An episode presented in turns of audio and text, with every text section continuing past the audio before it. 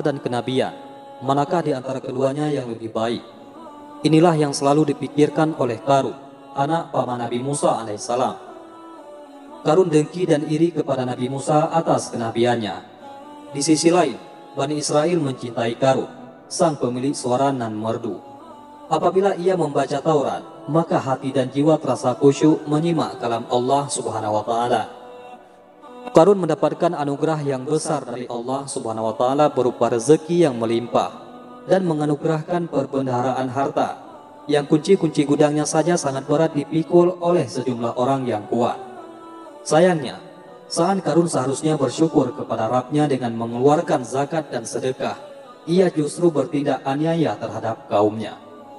Ia bersikap sombong kepada mereka, menzalimi mereka, dan berharap memiliki kekuasaan di kalangan Bani Israel menggantikan Nabi Musa alaihissalam. Sebab ia merasa bahwa harta dan kekayaan lebih baik daripada kenabian. Karun lupa bahwa harta itu milik Allah yang diberikan kepada hamba-hambanya yang dia kehendaki. Sedangkan kenabian adalah hak Allah yang dia anugerahkan kepada hamba-hambanya yang saleh. Oleh karena itulah, kaumnya yang sebelum itu senang kepadanya berubah membencinya. Suatu hari, Karun keluar dengan iring-iringan yang besar. Ia mengenakan pakaian yang sangat mewah. Di hadapannya beberapa ekor kuda dan unta berjalan. Sementara di sekeliling iring-iringan ada para pembantu dan pelayan. Orang-orang pun tercengang melihatnya, sampai-sampai mereka yang menginginkan kehidupan dunia mengatakan, Andai kita memiliki harta kekayaan seperti apa yang diberikan kepada Karun, sesungguhnya dia memiliki keberuntungan yang sangat besar. Maka orang-orang yang dikaruniai ilmu dari kalangan Bani Israel pun berkata, Celakalah kamu, ketahuilah, pahala, surga dan berita Allah itu lebih baik bagi orang-orang yang beriman dan mengerjakan amal kebajikan. Dan pahala yang besar itu hanya akan diperoleh orang-orang yang soleh.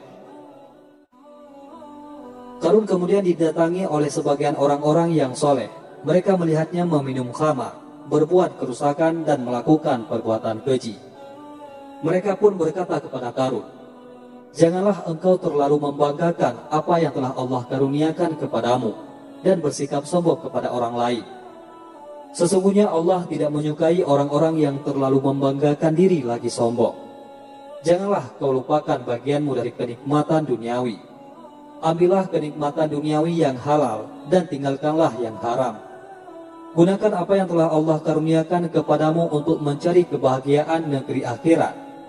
Berbuat baiklah kepada orang lain, sebagaimana Allah telah berbuat baik kepadamu, dan jangan berbuat kerusakan di muka bumi. Sesungguhnya Allah tidak menyukai orang-orang yang berbuat kerusakan.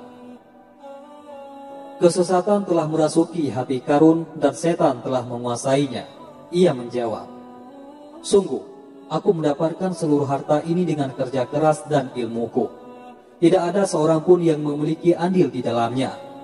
Allah mencintaiku, dan oleh karena itu dia memberikan harta yang berlimpah kepadaku.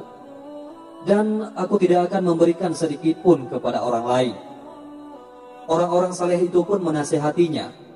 Sesungguhnya Allah telah membinasakan umat-umat sebelum kamu yang lebih kuat dan lebih banyak mengumpulkan harta daripada kamu.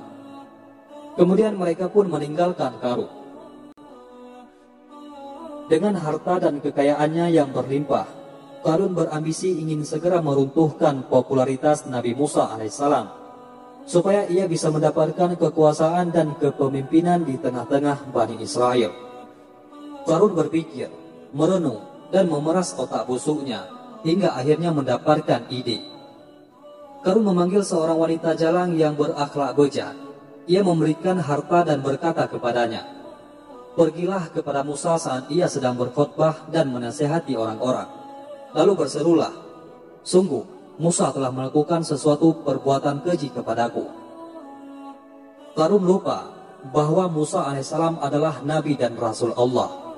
Allah subhanahu wa ta'ala akan senantiasa memelihara rasul dan nabinya dari setiap kejahatan. Wanita jalang itu kemudian pergi menemui Nabi Musa alaihissalam yang saat itu sedang bersama sekelompok orang dari Bani Israel. Wanita itu berseru, Hai Musa, Sungguh aku datang untuk mengadukan kepada orang-orang tentang apa yang telah engkau perbuat kepadaku.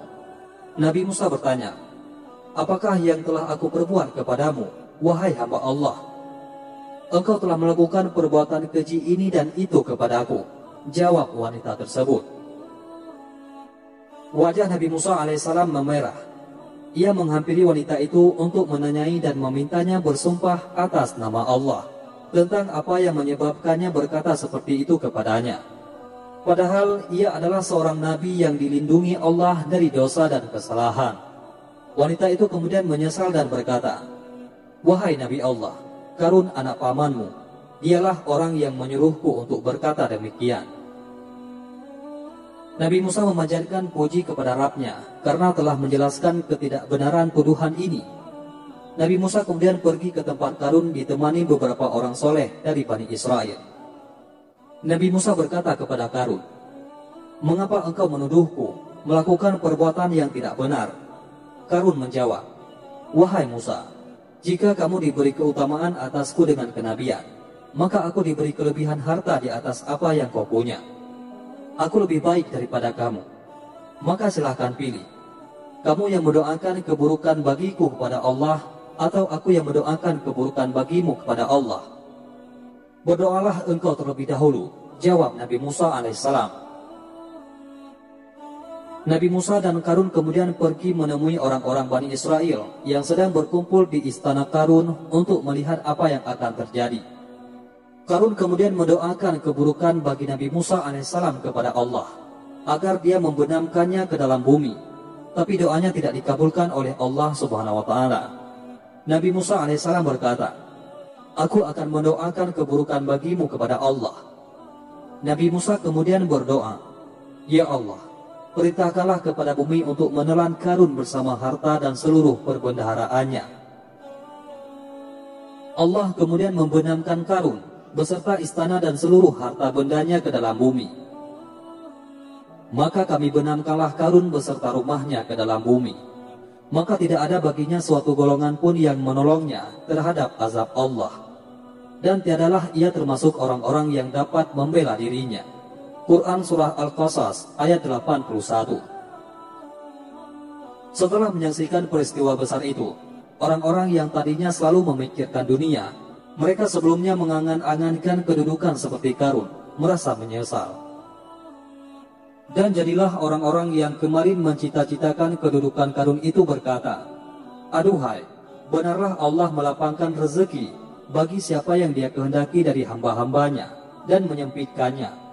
Kalau Allah tidak melimpahkan karunia-Nya atas kita, benar-benar dia telah membenamkan kita pula. Aduhai benarlah, tidak beruntunglah orang-orang yang mengingkari nikmat Allah Subhanahu wa taala. Quran surah Al-Qasas ayat 82. Wallahu a'lam bisawab. Mudah-mudahan